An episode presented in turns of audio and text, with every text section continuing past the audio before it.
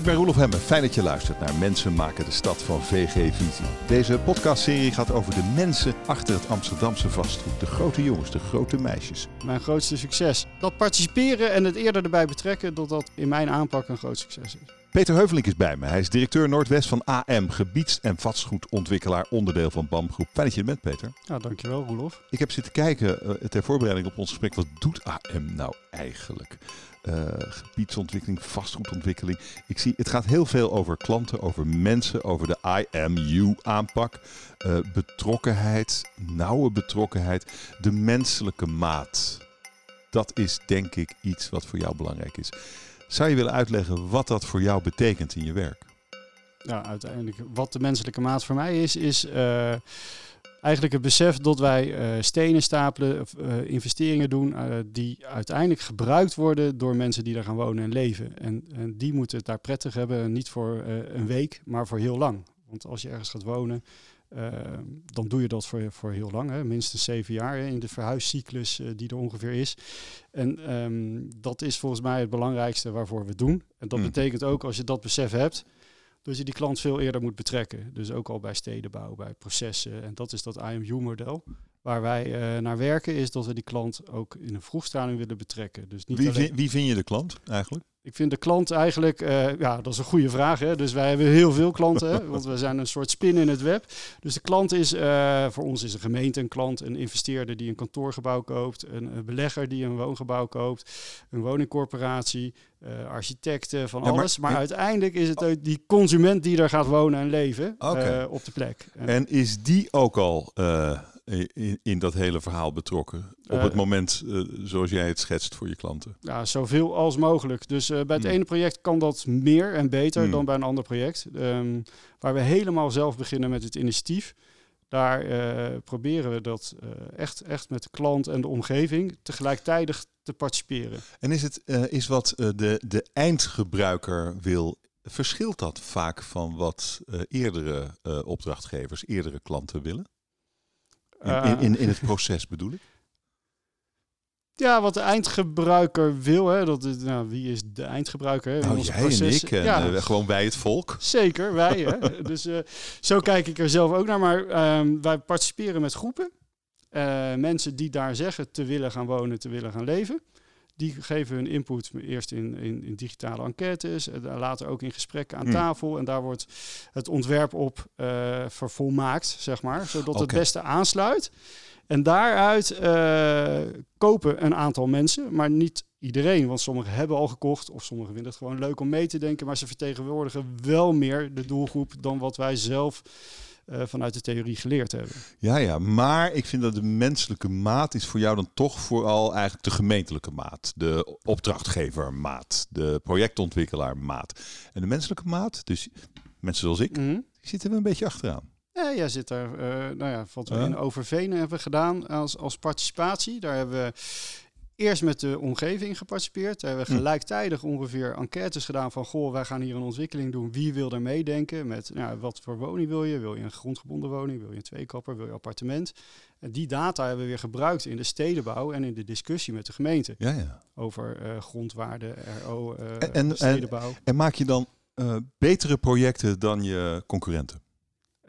Ik denk nou, sommige concurrenten doen dit ook, hè? maar ik denk ja. dat wij uiteindelijk binnen onze eigen portefeuille kunnen zeggen waar we dat uh, goed hebben gedaan, maken wij betere projecten.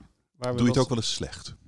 Nou ja, wij doen het achteraf soms had het beter ja? gekund. Hè? Maar, dus nou, of dat echt slecht is. Dus... Nou, oké, okay, dat was een, een, maar, een, prikkelende vraag. Maar ja. het is, het, daar zit natuurlijk wel een groot verschil in. Hè? Je mm -hmm. zegt, als we het goed doen, dan heeft het ook echt een meerwaarde. Uh, geef eens een voorbeeld van wanneer je het echt, waar, waar, waarvan je dacht, nou, dat heb ik echt goed gedaan daar. Nou ja, dat is wat u net aangaf in Overveen. Hè. Daar hebben we het ja. echt goed gedaan, denk ik. Waarom uh, dan? Wat, wat is daar dan het, het doorslaggevende geweest? Dat je zegt, ja, dat, daar was het goed. Nou ja, um, bedrijfstechnisch had het misschien nog weer beter gekund, hè, ja. bedrijfseconomisch. Maar, maar ik denk dat er een fantastisch project staat wat over, over een 20, 30 jaar nog steeds heel goed is. Omdat we daar dus gelijktijdig opgetrokken zijn met uh, potentiële kopers. Ja, maar wat maakt het dan zo goed in de uitvoering? Wat, wat, wat is wat er staat dan? Waarom is dat dan zo goed? Als wij dat niet hadden gedaan, dan hadden wij daar uh, denk ik 90 grondgebonden woningen neergezet in twee halve maandjes. En gezegd, ja, dit is fantastisch en dat helemaal verkocht. En nu staat er een mix aan appartementen, sociale huur, uh, een woongroep voor, voor begeleid wonen twee kappers en vrijstaand, waardoor er weer zichtlijnen zijn voor de mensen die er omheen wonen. En dat hadden we anders niet voor elkaar gekregen. Dus ja. uh, ik denk dat, dat daarin wel echt dat gesprek en de data die je daar vandaan haalt, vanuit de mensen en de gesprekken met de omgeving, dat uiteindelijk jezelf uitgedaagd wordt om het nog beter te doen dan dat je denkt dat je moet doen. Dat is interessant. Dus gewone mensen hebben vaak gelijk. Ah, ze hebben Interessant. Nou, ze hebben vaak gelijk. Nou, ze hebben een, een goede mening. En daar moet je, of je moet er een goed antwoord op hebben, waarom het niet kan. En dan wordt het vaak wel geaccepteerd of mm. ja, uh, een beetje kritisch gevolgd of gemopperd. Maar uh, heel vaak zitten er ook hele goede ideeën bij. Of, of zij kennen, die mensen wonen daar, die kennen de plek. En, mm -hmm. en wat er wat, wat meer in de stad gebeurt, en dat is complexer, hè, is dat er wel stedenbouw uh, neergelegd en we krijgen deze bouwenvelop. En uh, ja, hoe participeer je dan met de omgeving nog uh, over zichtlijnen? En dat wordt heel moeilijk, omdat die gemeente dat al uh, vaak nou, uit zekerheden alvast neerlegt vanuit een grotere visie voor de stad. En het is heel, heel complex bestaand, bestaande omgeving. Maar oké, okay, maar dit is wat je het liefste wilt zijn. En ook als het een klein beetje meer geld kost. Want dat proefde ik ook een beetje uit je woorden. Ja, het is een beetje duurder. Het is, duurt een beetje langer misschien. Nou, het duurt misschien iets langer, maar je risicoprofiel in afzet neemt eraf. En je maakt de, de ja, ja. juiste producten. En je, je hm. hebt in ieder geval plekken gecreëerd waarvan je zegt, nou dat is niet mijn project, maar het is het project van verschillende mensen geweest. Dus, dus ook de omgeving en, en van potentiële kopers. Uh, en van de gemeente. En ik denk dat iedereen daar veel meer trots... Dus als team loop je daar trots rond. Ja, ja. Uh, Oké, okay, nou dit, dit is mooi. Uh, dit zegt iets over jou en over AM. Ik wil je nog een beetje beter leren kennen. Ik, ik mag je een paar vragen stellen. Een paar korte vragen. Ik vraag ook een kort antwoord. Daarna krijg je ruim de gelegenheid om het toe te lichten. Wat is je grootste succes? Ja, mijn grootste succes... Um, ja, daarin denk ik dat dat, nou, dat, dat, particip dat, participeren en het eerder erbij betrekken, dat dat uh, in mijn aanpak een groot succes is. En je grootste fuck-up? Um, ja, daar waar je dat niet doet. Dus waar je... iets preciezer. um, ja, iets preciezer. Dus uh, ik denk waar het niet gelukt is. En dat, dat, ja, dat, daar zijn ook projecten die niet gelukt zijn. Waar, waar, waar, waarvan denk je, dat had ik echt, heb ik echt gewoon verkeerd gedaan? Uh, som, soms dingen aangeven dat het kan. Dus uh, we kunnen lager bouwen of we kunnen hoger bouwen naar omgeving, terwijl dat eigenlijk niet kan. Omdat er al, al een maatpak ligt, uh, stedenbouwkundig, of dat het financieel niet kan. Mm, okay, dus okay. mijn grootste fout of valkuil zou geweest zijn in het verleden, en dat probeert, daar leer je van, is dat je niet uh, een stapje vooruit loopt. zou geweest zijn. Interessant, hier komen we op terug. Een kantelpunt in je leven. Het moment dat je, dat het anders werd. Of dat je iets echt begreep. Een kantelpunt. Um, ja, kantelpunt in mijn leven. Ik denk dat dat ook mee te maken heeft als je vader wordt. Dat is een persoonlijk kantelpunt. Ja. Hè? Dus dat, ik denk dat dat voor heel veel mensen geldt. Dan wordt alles, uh, dan wordt alles anders en je krijgt in één keer uh, management thuis. Uh, structuur en nou ja, hoe ga je daarmee om? En een ander kantelpunt is denk ik dat ik nou ja, qua studies op een gegeven moment dat je toch ja, in de zoektocht, wat, wat wil je later worden? Hè? Die vraag wordt heel vaak gesteld. Dat op een gegeven moment vanuit mijn uh, achtergrond uh, dat, dat er vrij veel architecten waren in de familie. Hmm. En mijn moeder altijd zei, ja, jij wordt, er wordt niet nog iemand architect in de volgende generatie. Dus dat is een soort zoektocht en dat ik nu wel een vorm heb gevonden die veel meer invloed heeft op oh. de leefomgeving, voor mijn gevoel. Oké, okay. en wie is je meest inspirerende conculega? Mijn meest inspirerende conculega? Ja, dat is ook een, een hele leuke vraag. Um, ik denk dat dat uh, ja, uh, Friso de Zeeuw op zich in, in zijn gebiedsontwikkeling, hè, dus die, die is nu al ja, bouwfonds, ja. van het bouw, bouwfonds tijdperk, maar mm -hmm. vooral als hoogleraar, uh, mm. dat die mij wel meer heeft gegeven over het openen van je ogen voor een groter gebied. Friso de, de locatie. Oké. Okay. Oké, okay, we, gaan, we gaan naar de toelichting. Je grootste succes. Eigenlijk hebben we het daar al over gehad. Dat is, dat, die, dat is die menselijke maat. En dat is ook meteen, vertelde je, je grootste fuck-up. Je hebt het een keer niet goed gedaan. Je hebt een Ja. keer iemand beloofd, ja, gaan we doen wat jij hier graag wil. Ik ga het voor jou maken. Oeh, wat een teleurstelling toen het niet Mhm. lukte. Ja. Ehm, waar was dat? waar dat was. Ehm, ja, ik denk dat dat ook eh, wel in ons proces is, of in mijn proces is geweest in het verleden in Bad Hoeverdorp. Eh, Daar hebben we dat ook wel een keer gehad. Van, ja, we, eh, Maar die teleurstelling van die mensen dan? Ja, dat, ja, daar moet je mee om. Maar Moet je uiteindelijk. even doorheen. Daar, daar, nou, als je, dat, je moet er even doorheen. Maar hoe maar zeg maar je je dat? moet het gewoon eerlijk uitleggen. En als je Oh, heel ja. dicht bij jezelf blijft, dan, dan valt het uiteindelijk wel weer mee. Maar je leert ervan en je komt eh, qua gevoel in ieder geval in eh, dat je dat nooit meer wil. Oké, eh, Dus- dat is interessant, want dan moet je de omstandigheden creëren dat het nooit meer gebeurt. Dus of je vertelt het aan de voorkant niet, of je zorgt aan de achterkant Ja. dat het gaat lukken. Ja. Wat heb je ervan geleerd? Ik heb ervan geleerd dat ik eh, soms iets meer vooruit moet denken. Omdat ik dan beter aan, aan zo'n tafel zit met mensen waar je eigenlijk eh, met elkaar eh, in brainstorm en in ad hoc situaties Ja. Maar je moet eigenlijk aan, aan- dan, wil doen. ja, dan moet je dus eigenlijk al weten. je moet eigenlijk, als je begint aan zo'n project, moet je eigenlijk al een soort mandaat hebben van de opdrachtgever, van nou, die andere klant, zeg maar. Ja. Is dat het? Ja, of, zeg, of zeg gewoon, ja, ik ga met die mensen praten en die hebben ook een grote stem. Doe je het nu zo? Nee, wat, wat, wat daar in het verleden is hebben we dat zo gedaan. Hè? Dus eh, helemaal in het begin in Bad van ja, kom maar langs en, en dan gaan we met een selecte groep gaan praten. enzovoort. En wat we daar niet goed gedaan hebben, is het succes bijgehouden van, van zo'n groep die meedenkt. Oh, zo. Wat heb je allemaal bereikt? En op het eind blijven er drie dingen hangen eh, die ze niet bereikt hebben. Maar eh, in die planvorming was al, waren misschien wel twintig dingen zoveel beter dan dat we niet met die eh, groep vertegenwoordiging hadden gepraat. En dan denk je, ja, hoe leg je dat dan uit? Dat die drie dingen niet gelukt zijn, maar dat ze twintig eh, punten succesvol hebben ingepast. Dat zijn die, eh, Oh, ja. die gesprekspartner. Is dat ook vergeten? Dus, dus we proberen in ieder geval, ik vind dat we veel beter moeten eh, managen wat we ophalen in participatie en het succes ook. En wanneer laten we het, wanneer is het een gespreksonderwerp? Dus we moeten dat proces veel inzichtelijker maken. Want het, wij, wij maar hebben processen. Het is geen marktkoopman, zeg maar, die wij zijn. Onze planvorming duurt ook gewoon een jaar, anderhalf jaar voordat we dan al naar een vergunningaanvraag komen. En eh, nou ja, dus het is heel lang. Dus je moet eigenlijk contact houden, successen delen. Ja, en eerlijk zijn over waar het misgaat. Ja, en eerlijk, la- eerlijk laten zien Hmm. aan de mensen die de stad maken eh, en waarmee je participeert, wanneer is hun ingebrachte onderwerp, eh, wanneer moet daar een beslissing over genomen worden binnen de planvorming.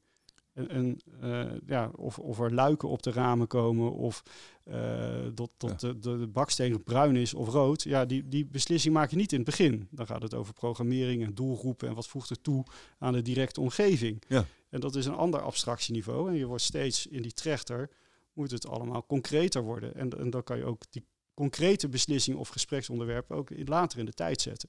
Ja, dat vraagt een heleboel eh, sociaal werk en tact. Ja, nou, Ja. ik denk wel dat het zit in, ja, dat, in kan jij met mensen omgaan, Ja. zeg maar. Hè? Dus de collega's die wij hier hebben, daar proberen we wel zoveel mogelijk, ja, dat, dat we met mensen om kunnen gaan. Oké, en dan een kantelpunt in je leven, daar moet je even over twijfelen. Maar toen zei je, ja, eigenlijk dat je moeder zei, je wordt geen architect. Ja, misschien En moeders wil was wet.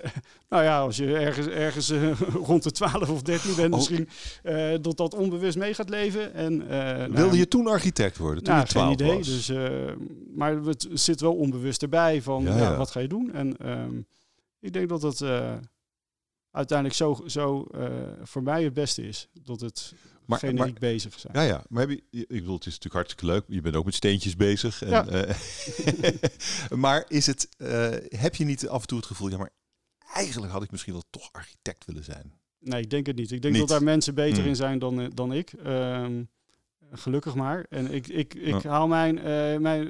De creativiteit die ik meegekregen heb van huis... Die, die, die vind ik in de, in de creativiteit van de processen en de oplossingen. Dus, dus er zit zoveel creativiteit in ons vak... Hmm, dat niet alleen maar uit- in uiting zit in een gebouw of verschijningsvorm. Oké.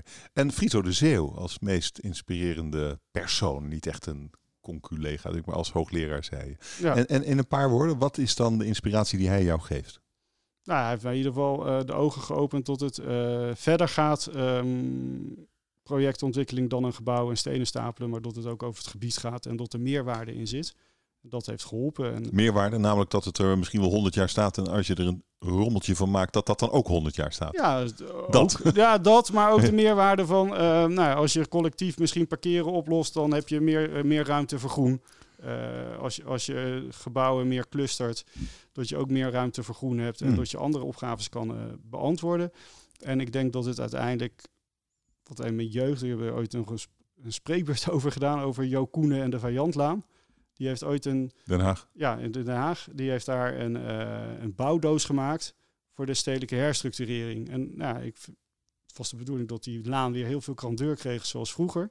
Nou, en door die bouwstenen methodiek vind ik dat dat wel ingrediënten heeft geleverd tot er weer één, één soort laanverschijning is.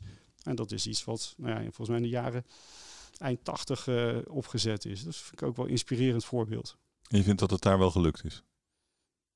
Nou, je je zit daar ook met omgevingsfactoren. ehm, maar ik denk dat de Je zit waar- altijd met de Ja, omgevingsfactoren. maar over eh, ja, wie, wie, wie, wie, wonen daar, hoe ontwikkelt zich zo'n wijk. Maar ik denk dat het Hmm. stedenbouwkundig architectonisch daar gelukt is. Dat je daar ziet dat er een school geïntegreerd is in de stedelijke wand. eh, die niet heel erg uit de toon valt met, Hmm. met te wonen. En, en ja, dat, dat zie je in Amsterdam ook wel terug hè, met eh Berlage. Dat is, het is een hele diversiteit, maar het ziet er toch als eenheid uit. Ja. En dat Ja. is heel anders dan Zuidoost. eh, de eerste grote uitleg. Laten we over Amsterdam praten. Ja. Eh, het gaat tenslotte over mensen die de stad Amsterdam maken. Ben jij er één van? Wa- waar werk je nu aan in Amsterdam? Ja, wij werken als team aan diverse projecten samen met BPD op de Zuidas. eh, de laatste fase van George en de Gustav wonen. Appartementen, we doen crossover. Dat is een project eh, tegenover de RAI. Kantoor en eh, sociale woningbouw, mixed use. Ehm, Amsterdam-Noord bij het stationgebied. Samen met de Blauwhoed zijn we bezig met nou ja, een hotel, eh, appartementen eh, in aanbouw nu. Maar ook met de planvorming voor de volgende fase. De Baaierskwartier samen met eh, twee andere partners, ET en Kern. Ja, dat is eh, echt een, een staaltje gebiedsontwikkeling. Het Baaierskwartier nieuwe stijl. Ja, het Baaierskwartier. Dat is wel dus cool je moet echt een eh. keer naar de Baaiers Beach Club komen die net geopend is. Oh, is, die, Ja. is de Bites Beach Club ja, open? dus, Nou ik, ik, ik, ik, kwam er regelmatig langs met de trein. Dan zit je naar te kijken naar die, naar die torens. Ja, voormalige gevangenis natuurlijk gewoon. Het is een groot terrein, 7,5 hectare geloof ik. Ik Ja. meen dat er zes torens staan. Jullie gaan daar... ja, in, de, in de folder staat worden plek voor kunstenaars van internationale allure. Horeca, gezondheidscentrum, middelbare school. Woningen natuurlijk, groen. Ehm, dat wordt natuurlijk fantastisch daar, denk ja, ik dan. natuurlijk een paradijs. eh. Maar maar ja, hoe kom je er nou bij om dan eh, zo'n gevangenis, hoe zie je dan dat dat kan worden wat ik net beschrijf? Het heeft ook te maken met, eh, uiteindelijk hebben we deze locatie verworven door een tender, een openbare aanbesteding vanuit het Rijk. Die heeft daar bij aangegeven met randvoorwaarden vanuit de gemeente, PVE. Ehm, ja, en binnen dat kader konden wij een plan maken en onze ambities. En, en dat is niet alleen maar op eh, geld eh, gegund, maar ook juist op die eh, vernieuwing en de duurzaamheid. En daar hebben we heel goed in gescoord. in En wat is, dan, wat is dan je grootste vernieuwing? Ja, ik denk dat het de, als totaal, als integrale gebiedsontwikkeling, we zijn daar nu mee bezig om een eigen energiesysteem op te zetten. Daar al die gebouwen straks op aangesloten zijn, waar alle gebruikers straks afnemen. Eh, waardoor het een energie-neutraal gebied eh, zou zijn. Wat wij ook doen is dat we het hele gebouw, eh, nou, de zes torens bijna zijn ze allemaal weg, zeg maar, die zijn ontmanteld. Dat materiaal wordt opgeslagen en wordt weer hergebruikt. Ook in de inrichting van de openbare ruimte en, en soms als ophogingsmateriaal voor onder de wegen en, en andere zaken. Misschien gaan we het ook nog wel op Hmm. andere locaties gebruiken in Amsterdam. Gaan Die, die, die torens, die, die, die, er blijft er niet één staan. Er blijft er één, eh, één staan, die wordt ontmanteld als eh, groene toren. Dat casco blijft eh, staan, daar komt die energievoorziening in, daar komt een park in, of een samenwerking met de Universiteit van Wageningen. Een park. Ja, In ja, de toren. ja, dat is toch gaaf? Ja, heel Dus- gaaf. Ja. Nou, dat is ook het boegbeeld, hè? Dus, maar dat Ja. is in, in samenwerking met de Universiteit van Wageningen zijn we dat nu aan Dat het is ook weer een beetje de herinnering aan wat er was natuurlijk. groen. Nee, de, zo, dat je zo'n toren laat staan. Ja, zeker. En Dat we laten een cool andere toren laten we de fundering in ieder geval staan en die wordt daar weer eh, Hmm. de constructie in ieder geval eh, teruggebouwd. En we gaan de zevende toren, die nooit gebouwd is, maar wel ooit gepland is, die gaan we eigenlijk bouwen. En die zit echt op de kop eh, bij het station, metrostation. Ja. Ja, jij bent hier trots op. nee, maar ik vind dat Ja. het... Is dit misschien wel het mooiste wat je, waar, waar je ooit aan gewerkt hebt? Ja, ik weet niet. Hier werken vooral heel veel collega's aan hè, eh, al- als team. En eh, ik, ik vind dat wij trots mogen zijn op de mensen Ja. die dit eh, presteren en daar elke dag mee bezig zijn in die integraliteit. En wat is dan precies, want er zijn nog meer, er zijn nog, nog veel meer partijen in, in betrokken in dit verhaal. En wat is Mhm. dan precies de rol van de AM? Ja, uiteindelijk zijn wij de verbinder die, die alles moet samenbrengen. En wij, wij, wij al het werk regelen, regisseren, faciliteren, eh, gesprekspartner zijn met de gemeente. Dus eigenlijk zijn wij de opdrachtgever. En waar heb je het dan allemaal over? Wat, eh, waar, waar, praat, waar praten jullie nou over bijvoorbeeld? Nou, we praten nu over het voorlopig ontwerp. eh, en dat ligt nu ter toetsing bij de gemeente. En dat, Uh-oh. dus nou, dat gaat hartstikke goed. Ja, oh gaat het goed? Natuurlijk. nou ja, maar, hi- maar ja, hier, er zal altijd is een beetje wrijving en glans. Maar, maar waar is de wrijving dan? nou ja, dat, Is het niet? Nou ja je, je hoopt eh, van niet. Maar het is altijd goed als die er wel een klein beetje is. Hou je Ja. rekening met wrijving? Ja, ik vind dat. Ja, want het is ook subjectief. De, Hoe krijg, je, hoe krijg je je zin? Nee, ik hoef mijn zin niet te hebben. Tuurlijk wel. Ja, waarom? Nou, omdat je een idee hebt. Een hartstikke Ja. mooi idee. Zeker. En dan En- wil je dat toch? Zeker. En dat, die, die stip en die doelstelling willen we halen. Maar eh, hoe we hem invullen, eh, als iemand anders een goede techniek aandraagt om eh, de duurzaamheid te verbeteren of op te lossen in de ambitie, Hmm. dan, ja, dan moeten we daar open voor staan. En dan, eh, het hoeft niet alleen maar onze ideeën te zijn. Hmm. Dus eh, ja, breng een idee in die bijdraagt aan onze ambities en we kijken er serieus naar. Oh ja. En zijn er goede ideeën geweest die bijdragen aan je ambities? Ja, er zijn wel Welke? de. Nou, wat, er nu, wat er nu gebeurt is de Refugee Company, die daar gewoon langer bezig is in placemaking. En die ook dat Bias Beach Club doet. En die, die brengt ons veel meer in eh, contact met sociale organisaties, eh, waardoor dat misschien eh, in de toekomst ook gewaarborgd blijft in het project. Dus Ah, de Refugee Company. Wat doen die precies ook alweer? ja, die, die helpen mensen die uit andere landen komen, die helpen ze hier een plek te krijgen of Oh ja. in ieder geval arbeidservaring te, te leveren. Eh, als soort stage of gewoon als werk. Dus die proberen voor heel klein schaal op die manier een, eh, een toekomst te bieden aan mensen die Ja. ergens anders vandaan komen. Je zegt al een paar keer die Bias Beach Club, Beach Club hè? Eh, dat, dat heeft indruk gemaakt. Waarom, Ja. is- waarom vind je dat zo leuk? Ik vind het vooral leuk omdat nou, we, zou, we zouden het eerst iets anders doen, maar er komt dan in je project komt er wat meer tijd op sommige plekken. En dan wordt dit nu ingevuld. En ja, dat is hartstikke gaaf. En dat voorziet ook in, ja, in de Amsterdammers. Hè? Dus eh, of, of je nou een international bent die in Amsterdam woont, of, of iemand die geboren getogen jongeren in Amsterdam bent. Het, het geeft weer een Hmm. plek. Ehm, en het zet Amstelkwartier eh en deze locatie ook weer een beetje op de kaart. Deze podcast van VG Visie wordt mogelijk gemaakt door DVP en Rechtsstaten. Rechtsstaten verleent hoogwaardige juridische diensten aan partijen die actief zijn op de commerciële vastgoedmarkt. Doelgericht, praktisch, waar voor je geld. Rechtsstaten. DVP helpt bij de ontwikkeling en realisatie van projecten. Hoge kwaliteit, financieel beheerst. Met als doel gewild en rendabel vastgoed. Daadkrachtig, onafhankelijk en integer. DVP. Zometeen eh, praten we verder dan over wat er misgaat in Amsterdam in de ogen van Peter Heuveling. Maar eerst een paar andere vragen zometeen. Eh, namelijk, welke mensen hebben wat jou betreft de stad gemaakt tot wat zij nu is? En noem er dan twee waarvan je denkt van nou dat is prachtig. En noem er één waarvan je denkt die had zijn handen thuis moeten houden. Dus ehm, ik denk dat nou, als je stelen kijkt, dat Berlage misschien wel heel belangrijk is geweest. En van Eesteren in de uit- uitleg. mhm. Eh, dat, dat is meer vak, ja, architect en stedenbouwkundige. De- Die, Van Eesteren, eh, de, de, de tuin. eh, ja, de westelijke tuinsteden. tuinsteden, ja. Er is wel een basis ge- gelegd en daar zitten hele goede die dingen bewonder je.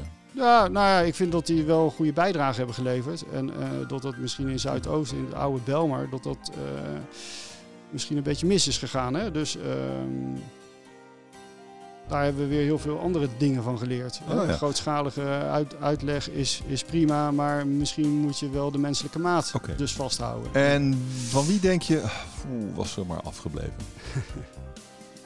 Ja, dat vind ik heel lastig. Dus ehm,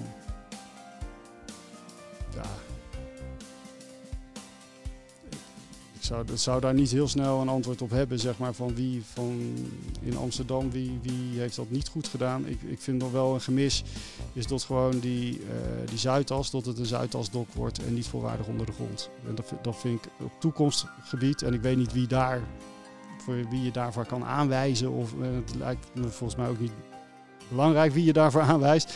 Maar ik vind het een gemiste kans dat je hem toch niet onder de grond stopt. Uh, gemeente. Ja. Denk ik dan. Ja, ook. En misschien het Rijk. En uh, misschien is het ook wel een stukje NS. En alles wat Hmm. samenkomt. Hè. Het is geen makkelijke puzzel. Maar eigenlijk uh, als je ziet hoe dat in andere wereldsteden soms gaat. Dan wordt er wel voor gekozen om het te doen. In Madrid heb je een goed voorbeeld van een park waar, waar West 8, een Nederlands stedenbouwkundig bureau, ook bij betrokken is geweest. Helemaal onder Hmm. de grond en een fantastisch park. Ja, het kost heel veel geld, maar uh, het voegt wel heel veel toe voor je stad. Soms is het misschien ook goed als de gemeente zijn handen thuis houdt en niet te veel zich ermee bemoeit. Zou kunnen, Krukjesgebied. Ja. Uh, Oostelijk havengebied, voormalig industriegebied, Mhm. waarbij volgens mij wel een interessante figuur is gebruikt. uh, waarbij um, uh, eigenlijk vooral anderen gingen, gingen uitvogelen, onder wie AM, wat er zou moeten gebeuren met dat gebied. Ja. Voelde je die vrijheid ook? Ja, ik denk dat het een, een goede methode is geweest, de spelregelkaart, om uh, particulier initiatief, privaat initiatief te stimuleren. Dat het ook helder is uh, wat je wel kan en niet kan. En dat je daar veel meer interactie hebt tussen kennis en kunde van markt en publieke partijen. Is dat gelukt?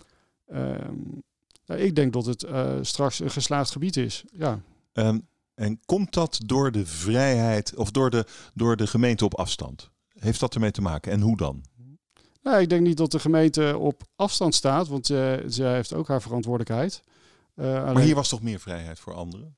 Ja, het was, was meer, is dat het uh, foldertekst? nee, nee, nee. Er was meer vrijheid, omdat het niet uh, de totale bouwenvelop omschreven is, maar dat alleen maar de buitenkant en de massa. En, Mhm. mm -hmm. um, ja, en daarin heb je vrijheid. Daardoor maken wij daar verschillende gebouwtjes en niet één groot gebouw. En dat wij kleinere gebouwtjes maken, hebben we een andere,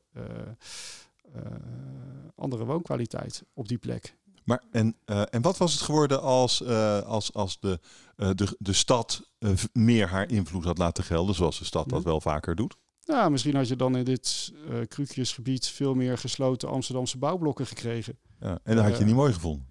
Nou, dat vind ik ook mooi. Maar, oh, ik, denk maar dat je niet. veel meer, nou, ik denk dat je veel meer diversiteit aan moet bieden. Dus Ah, ja. uiteindelijk geloof ik erin dat je veel meer leefstijlen bij elkaar moet brengen. Uh, in plaats van doelgroepen of wat dan ook. Want le een leefstijl uh, maakt het voor iemand met een kleinere portemonnee of een grote portemonnee. Maakt dan niet uit. Je hebt het over je passie, je hobby. Uh, of dat wat je leuk vindt. Dus dat zorgt ook veel meer voor inclusiviteit, denk ik. in, in je directe woonomgeving. Maar is dit iets wat eigenlijk veel vaker zou moeten gebeuren? Ik vind dat dat vaker moet gebeuren. Dus, en, en, dat gaat ook door in, in de inrichting van openbare ruimte. Als je veel voor jongeren iets maakt, ja, misschien uh, moet je een keer echt een soort skate uh, directe omgeving maken waar ze kunnen skaten. En dan, dan haal je die doelgroep binnen. En andere zeg je, nou, er moeten bankjes zijn waar ze lekker kunnen wijnen en andere omgeving. En dat trekt dan weer net andere jongeren aan, maar ze zijn even oud en hebben misschien dezelfde portemonnee. Dus alleen hun, hun hobby is anders, of hun passie of hun levensinvulling is anders, waar ze geluk uithalen. Maar daar, ik vind dat we daar wel iets meer in kunnen doen in plaats van standaard uh, ja. openbare ruimteplekken maken. Uh, en, en, dan krijg je verschil in stadsdelen en dan, krijg je, nou, dan doet iedereen ook mee in zo'n wijk. Hè? Want, ja, vooral jongeren natuurlijk belangrijk. Ja, maar ook ouderen. Maar hoe maak je een plek voor jongeren waar ze, waar ze niet uh, anderen tot last zijn?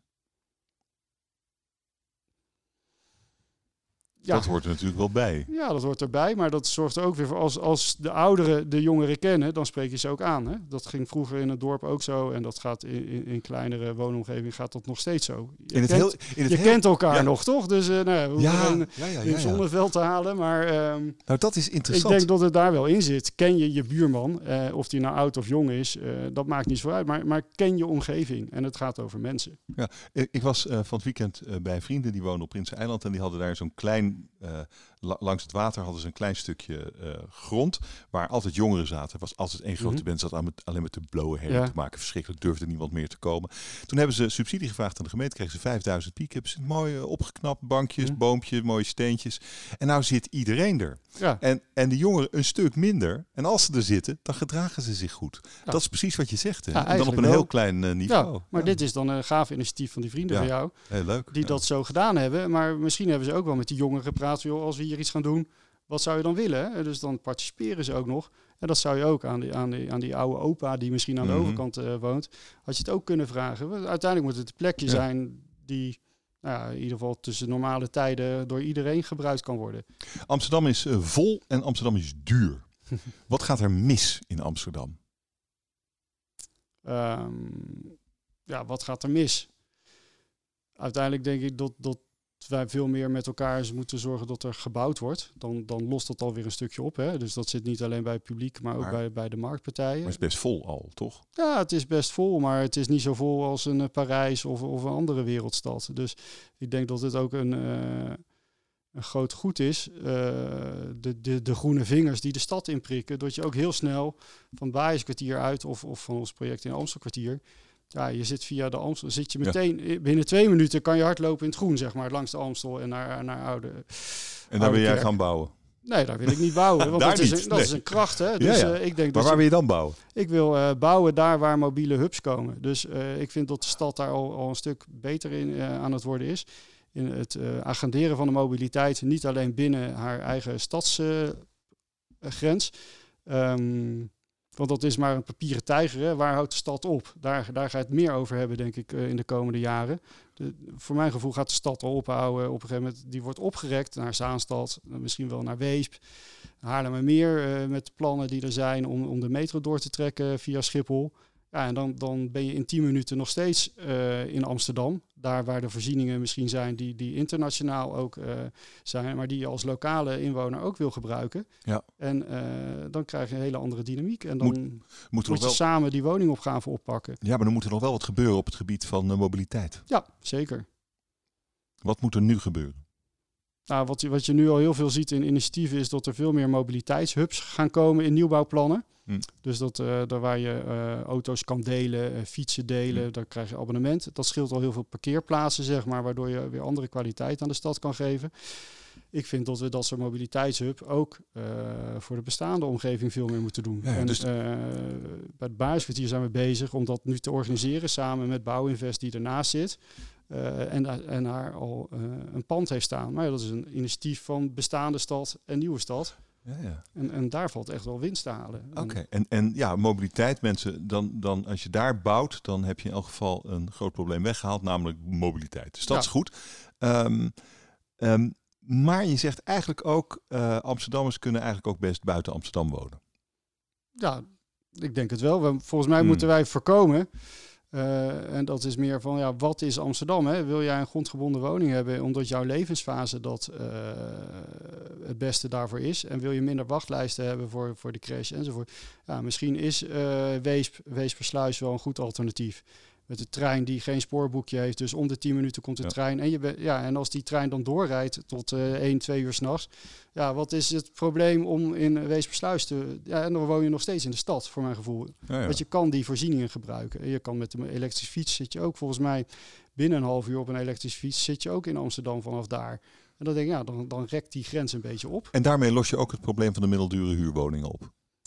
Nou, daar los je mee op dat er andere woningen weer vrijkomen. eh, die misschien. eh, Die dan nog wat duurder kunnen worden. Nou, misschien wat Dat is wat je nu ziet gebeuren, toch? Dat zie je nu gebeuren, maar uiteindelijk gaat het ook weer een keer naar beneden. En Nee. dan het gaat het Denk je dat echt? Nou, ik- eh, het zijn altijd conjuncturen. Dus Wanneer, wanneer zijn de huren in Amsterdam voor het laatst naar beneden de gegaan? huren. Ik heb nu begrepen dat er een aantal partijen zeggen: ik verhoog de huren dit jaar niet. Vanwege Ik de verhoog niet, oké. Ja, dus maar je dus- zei dat ze ook naar beneden gaan. nee, de huren niet, maar Nee. de, de koopsommen wel. Oké. Ja, oké. En wa- wanneer was daar de laatste dip? ja volgens Dat mij is ook al een tijd geleden. 2014 of zo. ja, dat ja, ja. nog voor het laatste misschien daalde, misschien nog, nog iets eerder. Maar nou ja, misschien dat het komend, komend jaar nog weer een keer iets gebeurt. Dus jij dat vindt- weten we ook niet. Maar jij vindt eigenlijk niet dat er, dat er veel meer middeldure eh, huurwoningen moeten worden gebouwd in de stad Amsterdam? Nou, ik zou meer pleiten voor middeldure koop ook. Koop. Dus ja. het moet een menging zijn. Want als je iemand. eh, er wordt. En het is goed, hè, dat beleid wat er nu is, dat er veel meer middeldure huur komt. Eh, maar, maar uiteindelijk, wat willen die mensen die daar gaan wonen? Hè? Dus eh, het is uiteindelijk is het een tussenstap, of misschien wel je eindfase. Hè? Als je in je wooncarrière, dat je op een gegeven moment zegt, nou, ik verkoop het en ik ga nu weer huren. En ik vind een middeldure huurwoning met mijn pensioen vind ik prima. en die vind je dan heel moeilijk.